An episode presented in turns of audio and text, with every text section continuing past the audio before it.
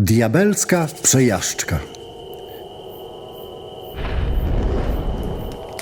Byłem znanym zbieraczem poroży jeleni.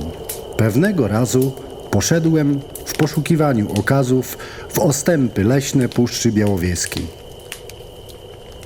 Chodziłem cztery godziny po lesie z mizernym rezultatem, a już szarzało i robiło się ciemno. Wyszedłem więc na drogę, kierując się w kierunku domu. Nagle słyszę i widzę, jedzie za mną jakaś furmanka. Nieznajomy człowiek z brodą w czarnym kapeluszu mówi, że może mnie podwieźć.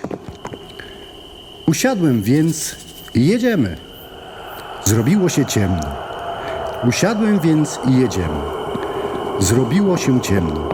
Gdy podjechaliśmy kawałek drogi i wtedy nieznajomy mówi, że mogę już wysiąść. Zeskoczyłem z fury, a tu ani śladu po nim. Zniknął koń i ten nieznajomy.